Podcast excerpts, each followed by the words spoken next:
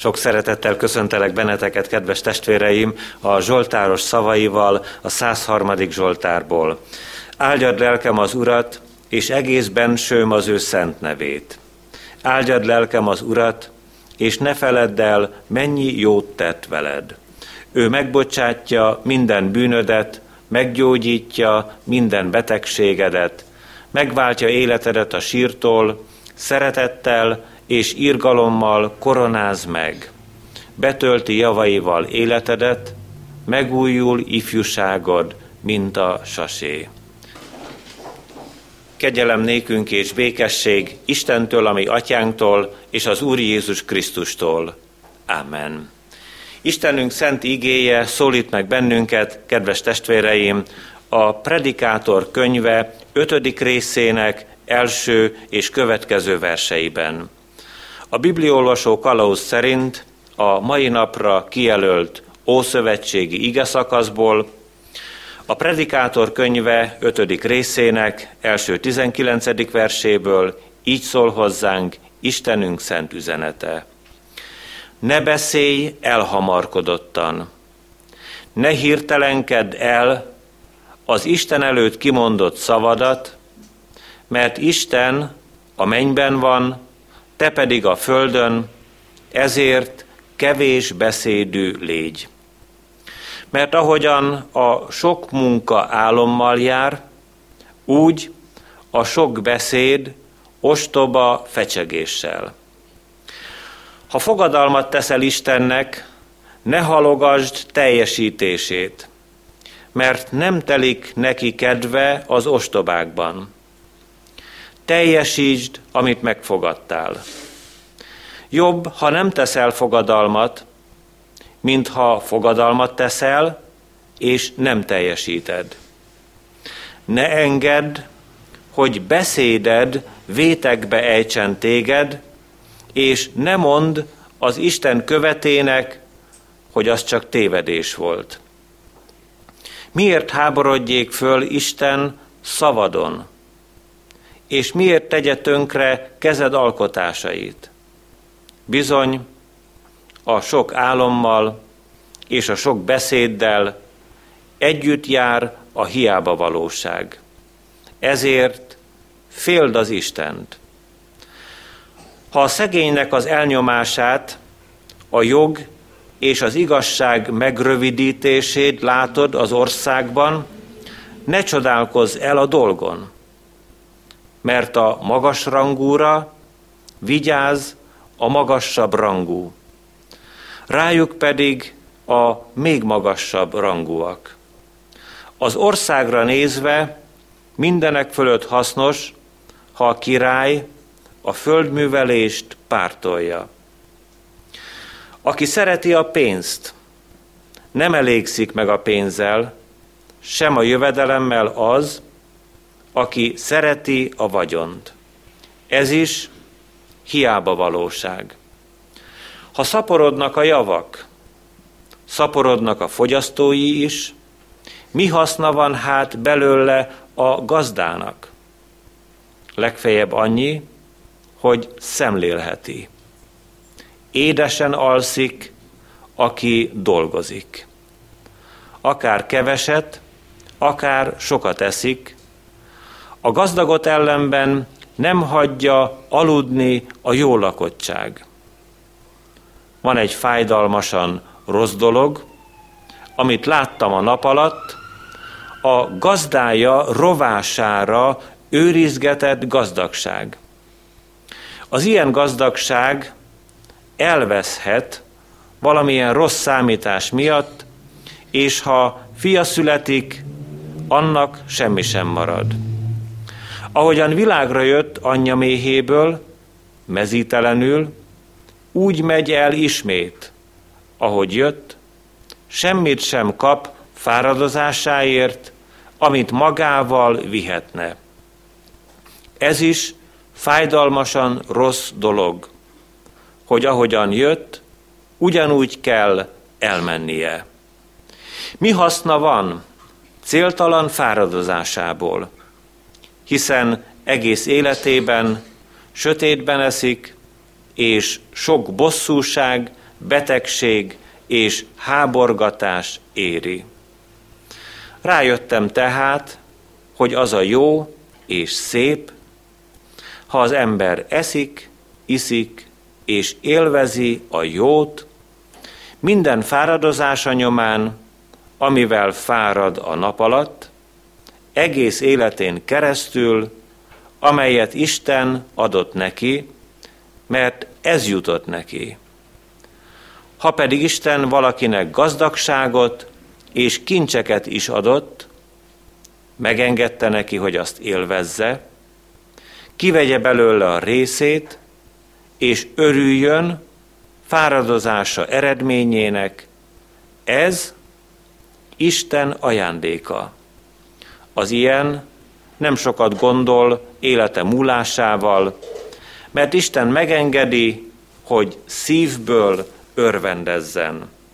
A kegyelemnek Istene tegye megáldottá szent igéjének meghallgatását, szívünk befogadását és megtartását. Hajtsuk meg fejünket az Úr előtt, imádkozzunk.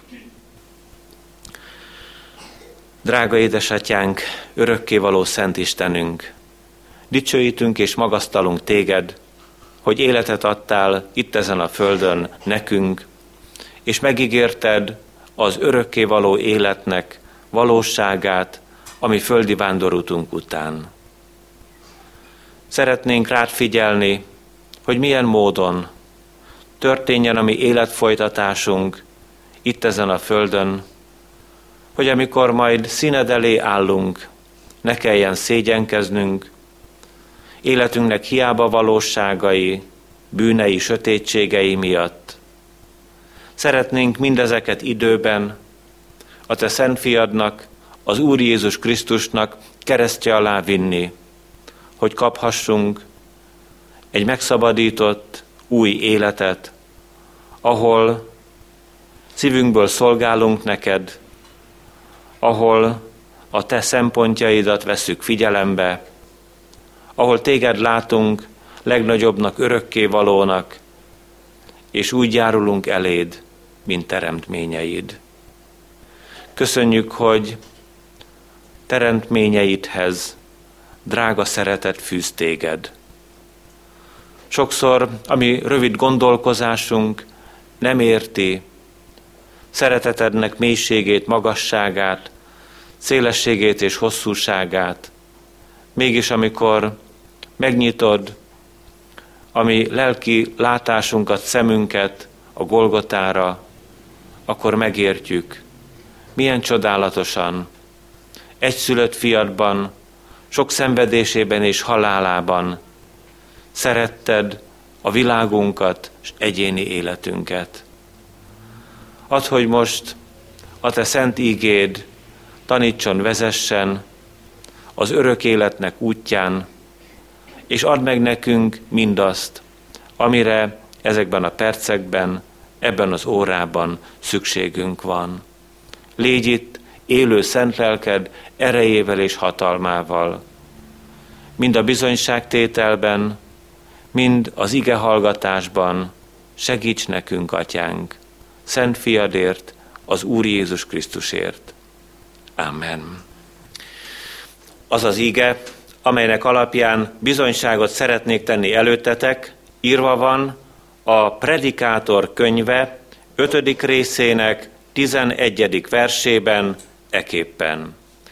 Édesen alszik, aki dolgozik, akár keveset, akár sokat eszik. Eddig Isten üzenete.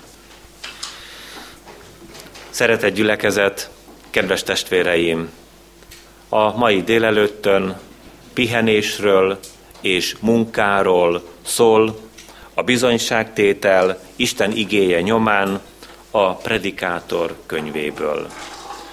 Sok szép és gazdag gondolatot kiemelhettünk volna ebből az ötödik fejezetből, de a szívemhez most nagyon közel állt a munkáról és a pihenésről szóló tanítás. Közeli emberi kapcsolatra van szükségünk ahhoz, hogy legyen bátorságunk megkérdezni valakit, hogyan aludtál. Márpedig az egyik legégetőbb kérdés ez. Nagyon fontos, hogy időről időre jól ki tudjuk pihenni magunkat, és különösen is, amikor telnek fölöttünk az évek, az évtizedek, egyre sikertelenebbek vagyunk az alvás dolgában. Elgyönyörködtem, amikor beléptem az imaházban, imaházba, a kicsi violában. Kint van a babakocsiban, az előbb még aludt gyönyörűen. Lehet, hogy most is alszik. Nagyon kedves volt az ő kis arca. Pár hetes még, és neki az a dolga, hogy egyen és aludjon. Milyen nagy dologám, fontos dolog, munka, amit egy néhány hetes, néhány hónapos kisbaba megél, hogy majd aztán később ő is megnövekedjen, felnőtté váljon, és felvegye az élet terheit. Az álmatlanság, szeretett testvéreim, nagy baj. Lehet, hogy akár valamilyen testi betegség, vagy lelki nyomorúság következménye. És aztán szükségünk van arra is, hogy megértsük, ha másképpen nem megy, akkor fel kell tárnunk Isten színe előtt lelki nyomorúságainkat, vagy az emberek előtt testi betegségeinket, hogy ne csak munkát végezhessünk jól, hanem megfelelően tudjunk pihenni is. Két részre szeretnénk osztani a mai bizonyságtételt. Először afelől gondolkozunk, hogy hogyan munkálkodik és pihen, azaz alszik az ember. Másodszor pedig arra a kérdésre adunk, a vá- adunk választ, hogyan munkálkodik és pihen az Isten. Oly csodálatosan indult az ember munkája és pihenése az Éden kertjében. Isten ránk bízta az emberekre, jelesen akkor Ádámra és Évára a munkát.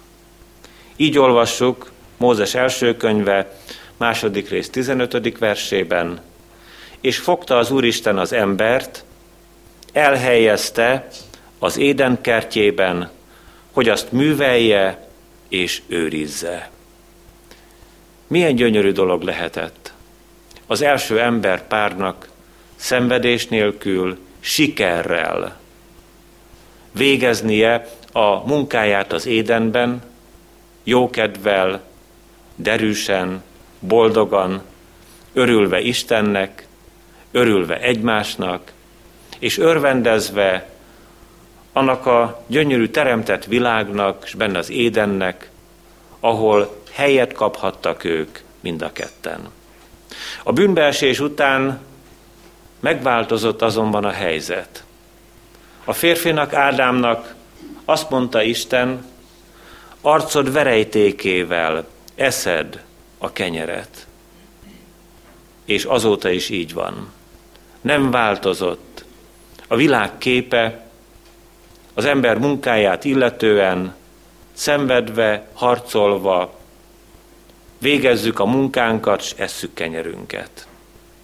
Így is mondhatnánk, hogy az édenből való kikerülés után vált robottá a munka, és a bűnös ember megtanult dolgoztatni és nem dolgozni. Ezt a két területet nézzük meg most közelebbről. Mózes idejében kegyetlenül dolgoztatták az egyiptomiak Izrael fiait.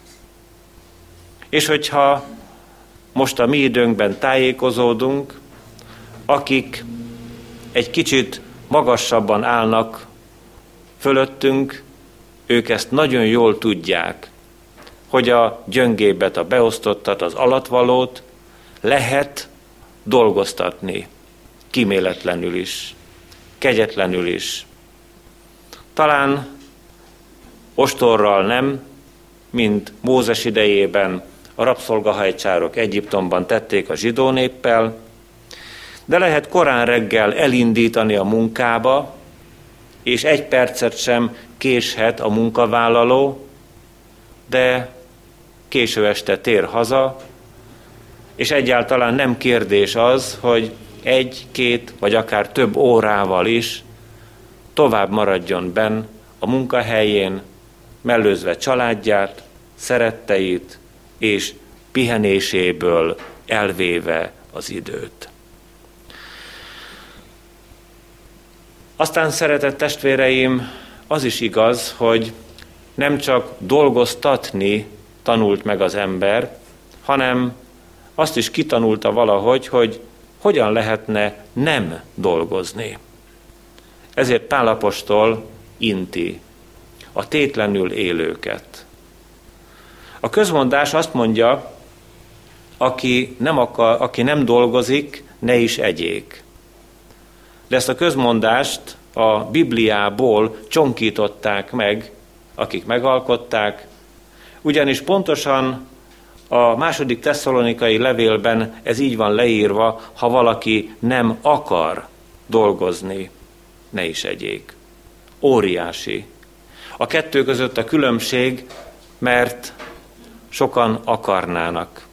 Szeretnének dolgozni, és bizonyos oka, vagy talán több oka is van annak, hogy nem vállalhatnak munkát. Megtagadhatnánk tőlük a kenyeret?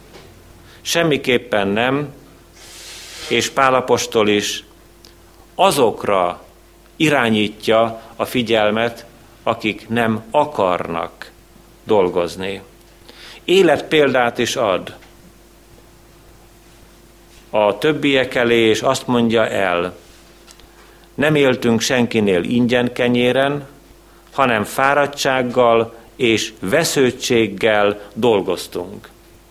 Pálapostól, aki sorban egymás után alapította meg a gyülekezeteket, és végezte a lelki munkát, amikor úgy látta, hogy szükséges, mint sátorponyva készítő, megfognia a munka végét úgymond fizikailag is, megtette. Akvillával és Priscillával együtt készítették a sátrakat, mert ez a két másik lelki munkás is ugyanezt a szakmát, a sátorponyva készítést ismerte. Aztán Pálapostól arra is inti a keresztjéneket, hogy ha munkát végzünk, akkor a magunk dolga után nézzünk, és mindezt csendes szeretettel végezzük. Csendesen éljetek, tegyétek a magatok dolgát, és saját kezetekkel dolgozzatok.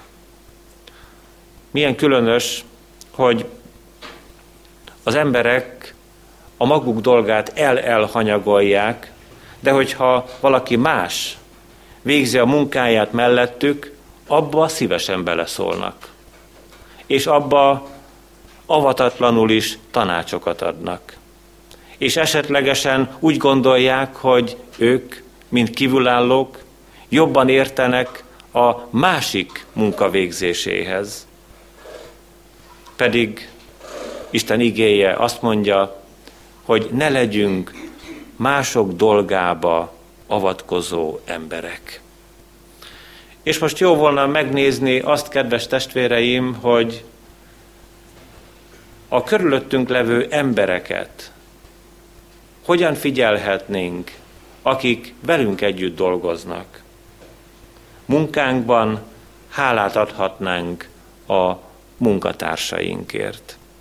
És én most kérlek is benneteket, hogy szeretettel, talán odahaza imádsággal is. Gondoljatok egy, két, vagy akár több olyan munkatársatokra, akik vagy időről időre veletek dolgoznak, vagy talán régen volt munkatársak, még mint ismerősök jutnak eszetekbe, kérjétek az Úrtól azt az áldást, amit ő adhat meg egyedül. Pálapostól szintén gyakorolta ezt. Így olvassuk a rövid kis levélben, Filemonnak, ami szeretett munkatársunknak, hálát adok mindenkor az én Istenemnek, amikor megemlékezem rólad imádságaimban. De nem csak Filemonért, mint munkatársért imádkozik és ad hálát Pálapostól, hanem egy egész listát lehetne kikeresni Isten igéjéből, amikor hol az egyikért, hol a másikért való hálaadás csendül meg az apostolnak az ajkán különböző gyülekezetekben. És aztán, szeretett testvéreim, egy kiváltképpen való dologgal is találkozunk, amikor a munkáról vagy munkatársakról gondolkozunk. A korintusi első levélben Pálapostól azt mondja megdöbbenésünkre, mert mi Isten munkatársai vagyunk. Isten befogad minket az ő aratásába. Beállít a szolgálatba. Ránk bíz olyan dolgot, ami nagy felelősséggel jár. És azt akarja, hogy ezt ne ő végezze el, hanem mi magunk. Pedig az Úrnak semmi sem lehetetlen. Ő megtehetné azt, hogy berendezi nélkülünk is a mi világunkat, de ő tőlünk várja a munkavégzést, mint saját munkatársaitól. Akkor a kiváltság ez, szeretett testvéreim, hogy szükséges megnézni a helyünket. Szintén itt a felolvasott ige szakaszban találunk erre választ, ne beszélj elhamarkodottan, ne hirtelenkedd el az Isten előtt kimondott szavadat, mert Isten a mennyben van, te pedig a földön. Ezért kevés beszédű légy. Bár más vonatkozásban a beszéd dolgában mondja nekünk az íge, hogy Isten a mennyben van. Mi pedig itt a földön. Ekkora különbség, és mégis Isten munkatársai lehetünk. Méghozzá az Úr nagyon jól tudja, hogy neki is el kell végeznie a feladatát. Pálapostól bizonyságtételéből halljuk, hogy én ültettem, Apollós öntözte, de a növekedést az Isten adta. És ez olyan nagy dolog, hogy amit mi nem tudunk elvégezni, azt csodálatosan végzi velünk, a mi munkánkkal karöltve az Isten. Ezért, amikor a pihenésre gondolunk, akkor is igyekezzünk igazodni az Úr szándékához, akaratához, ne legyen bennünk bűnös lelki alvás. Az Efézusiaknak írja, Isten szolgája Pál, ébredj fel, aki alszol, támadj fel a halálból, és felragyog neked a Krisztus. Az ige második gondolatában fogunk majd beszélni arról, hogy milyen módon írta elő a mindenható számunkra a pihenést, úgy, ahogyan ő maga is pihen. Itt csak érintenénk ezt a gondolatot, hogy létezhet bűnös pihenés is, lelki alvás. Amikor mind magunkra, mind testvéreinkre kellene vigyáznunk lelkileg, talán időben megfújni azt a lelki kürtött harsonát, hogy megmeneküljenek az üdvösségre a körülöttünk élők. Ahogyan Ezékiel próféta is beszél arról, aki őrségben áll, feladata, hogyha látja jönni az ellenséget, fújja meg a kürtöt, hogy készenlétben álljon a nemzet a védekezésre. És vannak helyzetek és idők, amikor nagyon is fontos a figyelem, a figyelem összpontosítása, talán egy velem megtörtént példával mondanám nektek, hogy lelkileg milyen fontos megállni a helyünket.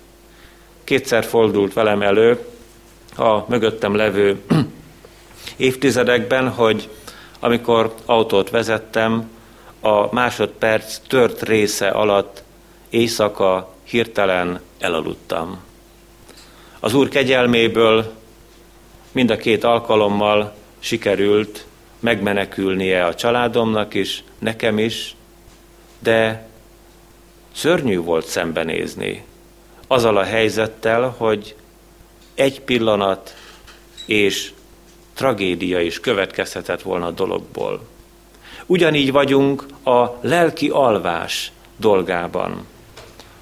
Nagyon fontos odafigyelni, hogy bizonyos helyen, bizonyos időben mit akar rajtunk keresztül elvégezni a Szent Háromság Isten. Miután megláttuk, hogy az édenből kikerülve milyen nehéz helyzetben van, munkáját és pihenését, illetően az ember, nézzük meg az ige második gondolatát. Hogyan munkálkodik és hogyan pihen az Isten. Legelőször egy híres költőnek a verssorait kellene értelmeznünk és helyre tennünk, az Isten pihenését megfigyelve. Madács Imre az ember tragédiájában nagyon hibásan adja az Úr ajkára ezeket a szavakat. Be van fejezve a nagy mű, igen, a gép forog, az alkotó pihen. Évmilliókig eljár tengelyén, míg egy kerékfogát újítni kell. Mielőtt Madács Imre megírta ezt az egyébként gyönyörű és nagyon híres művét, talán egyetlen híres művét, már jóval előtte az Úr Jézus pontosította, hogy hogyan pihen az Isten, és hogy hogyan munkálkodik. Nyilván ezt az ige verset a Bibliát szerető és kutató, sokszor kritikával olvasó Madács Imre nem figyelt oda. Jézus Krisztusnak erre a mondatára az én atyám mindez ideig munkálkodik, én is munkálkodom. Mert a teremtés olyan, mint egy építkezés. És amikor az építkezés be van fejezve, az építményt gondozni, fenntartani kell. És ezt végzi. Csodálatosan, maradéktalanul és hibátlanul a mindenható Isten. De térjünk csak vissza egy rövid mondat erejéig a teremtés világához. Valóban munkálkodik az örökké való a teremtésben hat napon át, és a hetediken pihen. Az első, amire oda kell figyelnünk, amikor azt mondta, az örökké való legyen világosság, lett este és reggel az első nap. Elválasztotta a nappalt az éjszakától, és most összekapcsoljuk az ige első mondani valóját a másodikkal, a teremtésben mennyire szeretett bennünket az Isten, hogy nem csak nappalt, hanem éjszakát is alkotott a pihenésre. Mert nem volna nekünk lehetőségünk az életre. Talán élnénk néhány hetet vagy hónapot, esetleg egy-két esztendőt, ha csak nappal lenne. És még annyit sem élnénk, ha csak sötétség volna. De a nappalt meg az éjszakát munkára és pihenésre teremtette meg számunkra az Isten, és speciálisan, és kivételesen, és nagyon pontosan a hetedik napot. És az ember kezében ez is eltorzult. Mert ahogyan megismételhetjük, vannak, akik megtanultak nem dolgozni, vannak, akik dolgoztatnak, és még arról nem szóltunk, hogy néhányan kevesen. Vannak ilyen furcsa teremtményei is az Istennek, akik halálra dolgozzák magukat. Már egy ilyen kifejezést is alkottak erre ezek a munkamániások, akik nem tudják abba hagyni a munkájukat. Mindenképpen szükséges, hogy valamivel el legyenek foglalva. Isten nem akarja ezt. Szeretné, hogyha látnánk az értelmes pihenést, és meg tudnánk az értelmes munkát valósítani. De most csak térjünk vissza arra, hogy hogyan munkálkodik, és hogyan pihen az Isten. Isten ott munkálkodik, ahol az ember lehetőségei véget érnek. Isten ad életet, és az ő hatalmában van a halál.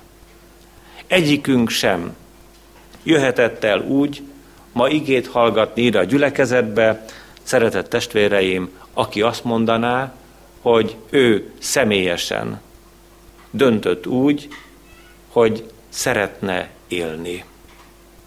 Becsapjuk magunkat, ha azt gondoljuk, hogy a szüleink döntötték el. Édesanyánk és édesapánk azt a tényt, hogy mi életet kapjunk. Nagyobb titok ez ennél, és a minden hatónál van elrejtve az, hogy ki, hogyan és mikor és mennyi ideig születhet meg és élhet ezen a földön.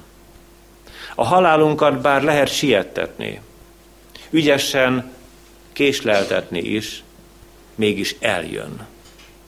Istennek a kezében van, a hatalmában van a halál és az örök élet. Ezért hálásak lehetünk, hogy ahol véget érnek a képességeink, ott szeretettel és értünk. Lép be, munkavégzésre az Isten, mert üdvözít. Mert az ő egyik legnagyobb cselekedete, munkája a teremtésen túl, hogy megvált minket, és hazavisz a mennyei országba. Valóra váltotta a mindenható a megváltást. Pontosan végezte el. Semmit nem hagyott ki belőle, engedte az ő fiát a keresztre, a halálba, hogy megfizesse a mi bűneink adósságát.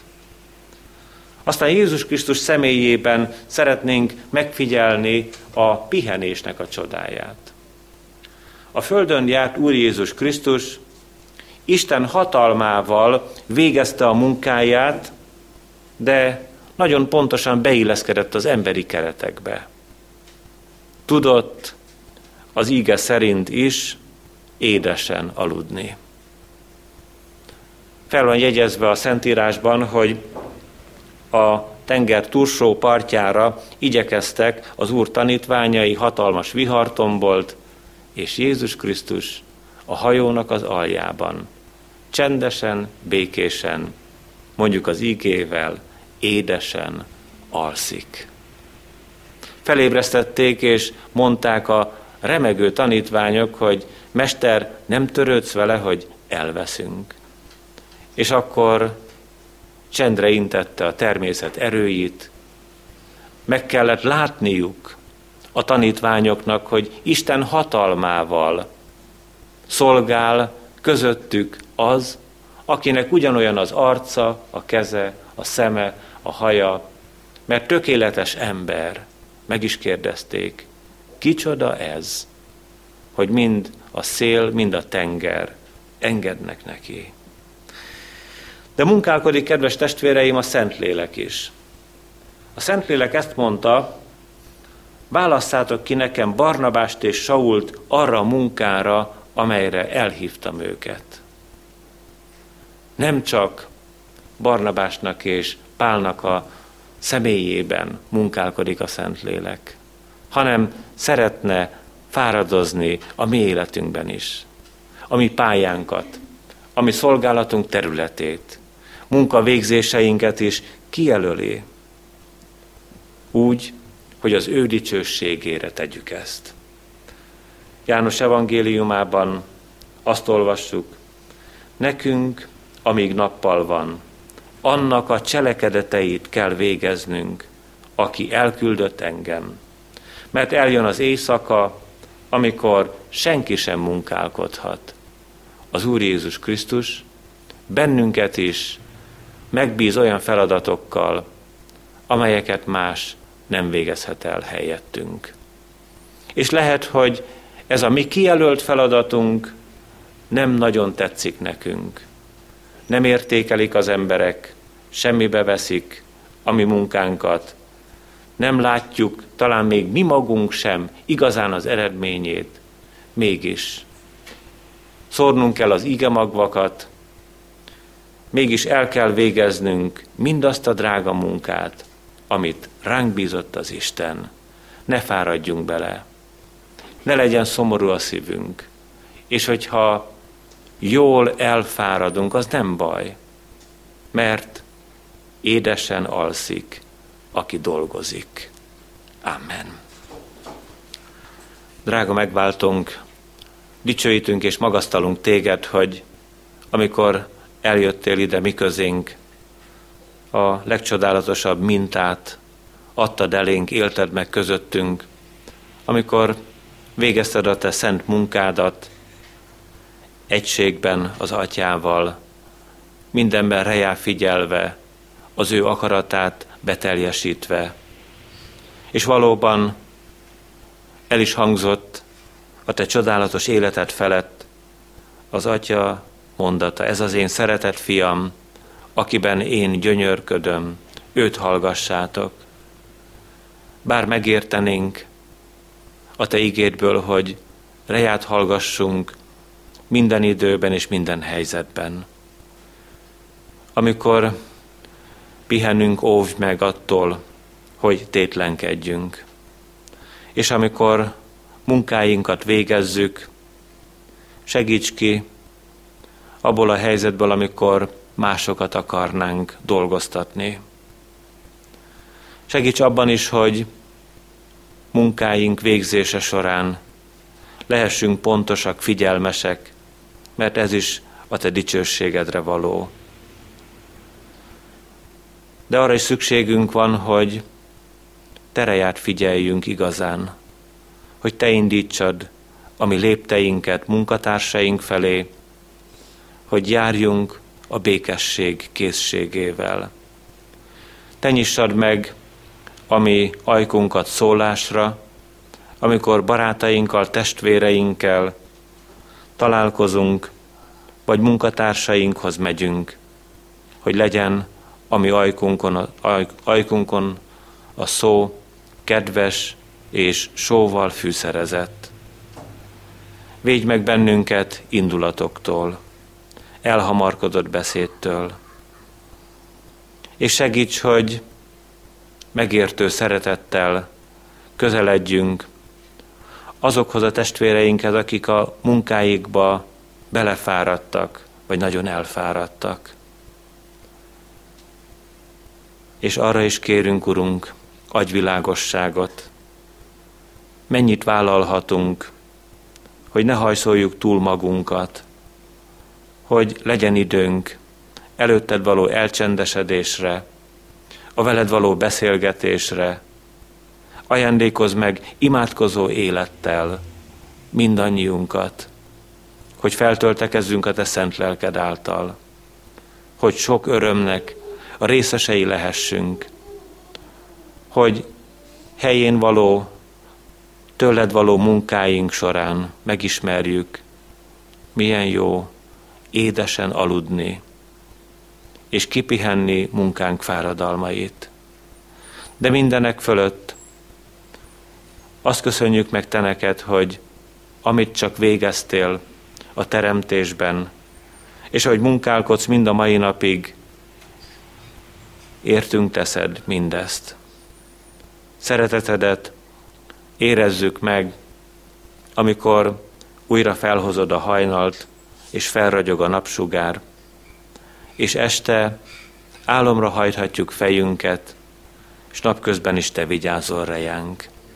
Kérünk, Urunk, szentelj meg bennünket, szolgálatunkban, családtagjaink között, munkatársaink között, ami népünkért végzett feladataink során. Add, hogy kedves benned bízó, téged szolgáló nemzetté lehessünk. Hallgass meg könyörgésünkben, szent lelked által. Amen. Együtt mondjuk el Jézus Krisztus imádságát. Mi, atyánk, ki vagy a mennyekben, szenteltessék meg a te neved.